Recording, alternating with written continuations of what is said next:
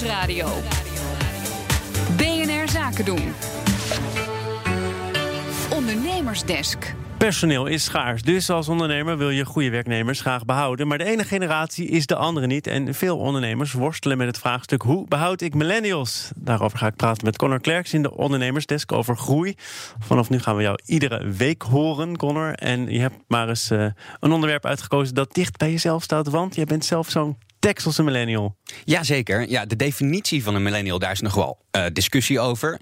Maar de meeste onderzoekers die hanteren grofweg de volgende definities. Mensen geboren tussen 1981 en 1996. Dus een beetje de groep die opgroeide met bijvoorbeeld het internet, de eeuwwisseling en de opkomst van mobiele technologie. En waarom zou je die willen behouden? Nou, je hebt niet echt een keuze zo meteen, want het is dadelijk de grootste groep op de arbeidsmarkt. En die arbeidsmarkt is al best wel krap natuurlijk. Ja, dus eigenlijk uh, is het niet per se uit wilde, maar je kan er niet omheen. Dat is uh, waar het op neerkomt. Ja, daar komt het op neer. En daarbij is het ook nog eens een generatie die uh, eigenlijk het ondernemerschap wel omarmt en bij start-ups aan de slag gaat. Dus je concurreert ook nog eens in steeds grotere mate met millennials. En daardoor zie je eigenlijk dat het behoud van die millennials een steeds belangrijker vraagstuk wordt voor werkgevers. Dan de vraag, hoe pak je dat aan? Nou, dat besprak ik met Talita Muze. Zij is zelf millennial en millennial expert. Ze studeerde er zelfs op af en ze geeft bedrijven advies over de omgang met millennials. En als een echte millennial was ze niet op kantoor, maar gewoon in het centrum van Amsterdam. En ik vroeg haar als eerst wat deze generatie nou eigenlijk anders maakt om mee te werken. Ja, deze generatie is anders omdat ze ten eerste gewend zijn om heel snel feedback uh, te krijgen. Dus uh, je bent opgegroeid in een schoolsysteem waar je echt voor ieder opdrachtje een sticker op je hand kreeg als je hem afvat aan het einde van de dag van de juf. Dus het is een generatie die echt heel erg korte feedback loops uh, gewend is. En als ze die niet krijgen, kunnen ze daar on, uh, onzeker van worden. Ja, het is ook een generatie die uh, flexibel wil zijn. Dus die zelf wil samenstellen hoe je je werkweek er bijvoorbeeld uitziet. En ook hoe je carrièrepad verloopt. Vanuit management moet je dus heel duidelijk zijn. Maar je moet je ook heel flexibel opstellen. Dat is een beetje tegenstrijdig eigenlijk. Wat je dan ziet is dat het eigenlijk meer om coaching gaat. Dus om het begeleiden van deze mensen in hoe ze hun keuzes maken. en de valkuil is om inderdaad te duidelijk te worden en gewoon te zeggen: dit is hoe we het hier doen en daar moet je je naar voegen. Vanuit dit idee gedacht, ze zijn onzeker en anders lopen ze zichzelf voorbij, ook qua werk-privébalans. Maar dat is dus eigenlijk niet precies uh, waar ze naar op zoek zijn. Niet per se op zoek naar duidelijkheid, maar wel in begeleiding in het maken van de juiste keuzes. Uh, en dat coachende, dat is wat veel organisaties heel erg lastig vinden. Want daar moet je heel begripvol voor openstellen en geduldig. En dat vraagt best wel wat tijd ook om, uh, om goed te kunnen coachen. Wat zijn voor millennials nou de belangrijkste redenen om van baan te switchen? Ja, je ziet daar paar verschillende redenen. Dus één reden die heel veel wordt genoemd, en die zie je ook wel deels terug in onderzoek, is uh, zingeving.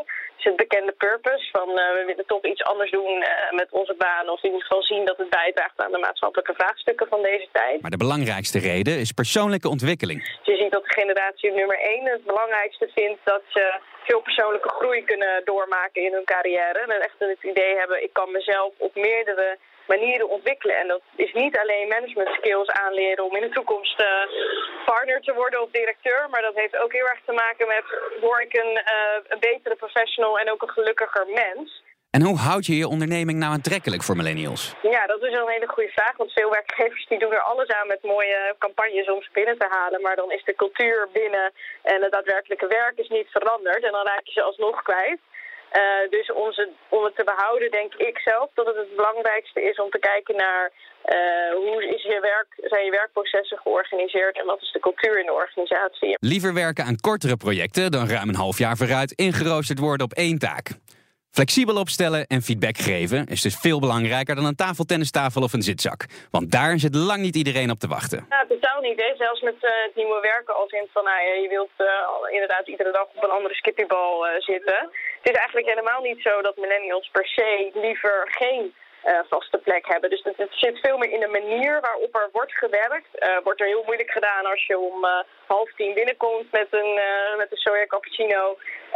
is dat, is, hè, word je dan gelijk weggekeken. Maar de kans is heel groot dat je te maken hebt met een gemengd personeelsbestand. Hoe voorkom je dan dat het voelt als meten met twee maten? Geloof dat het alleen je aanpassen naar één generatie ook niet goed is. Want je moet ook waarderen en eren wat de oudere generaties met zich meebrengen aan werkwijze. En dus je zou eigenlijk moeten kijken van hoe kan je een, een, een cultuurverandering en een, en een beleid en het anders kijken naar je werkprocessen en governance uh, zo doorvoeren dat je bijvoorbeeld gesprekken gaat voeren met alle generaties in de organisatie over hoe zij dit zien. En ik denk dat je ook van alle generaties mag verwachten dat ze zich nou daarin een beetje naar elkaar aanpassen. Dat was Talita Muse, millennial-expert, ook zakenpartner in dit programma. Laten we het nog even kort samenvatten. Wat moet je als werkgever doen? Ja, je moet duidelijk zijn over je verwachtingen, maar ook een beetje flexibel zijn. En dus coach je personeel en help ze eigenlijk te komen uh, waar ze willen staan. Een stukje begeleiding, want deze generatie wil zich heel graag ontwikkelen. En niet een te strakke blik op de klok. En zeker geen prikklok. Nee, absoluut niet. De werktijden niet te strak houden en een beetje flexibel zijn. Ook in de lengte van uh, projecten. Want veel millennials die houden van een beetje afwisseling. En dan hebben we het nu over die ene generatie, die millennial. Maar er zijn meer generaties. Ja, je moet je niet blind staren op één generatie. Want alle generaties in je personeelsbestand die zijn belangrijk. En als je samen in gesprek gaat, ja, dan kom je er wel uit. Conor Klerks, we gaan volgende week weer samen in gesprek. Dan horen we je weer. Ondernemersdesk over groei wordt mede mogelijk gemaakt door NIBC. NIBC, de bank voor ondernemende mensen. BNR Nieuwsradio. BNR Zaken doen.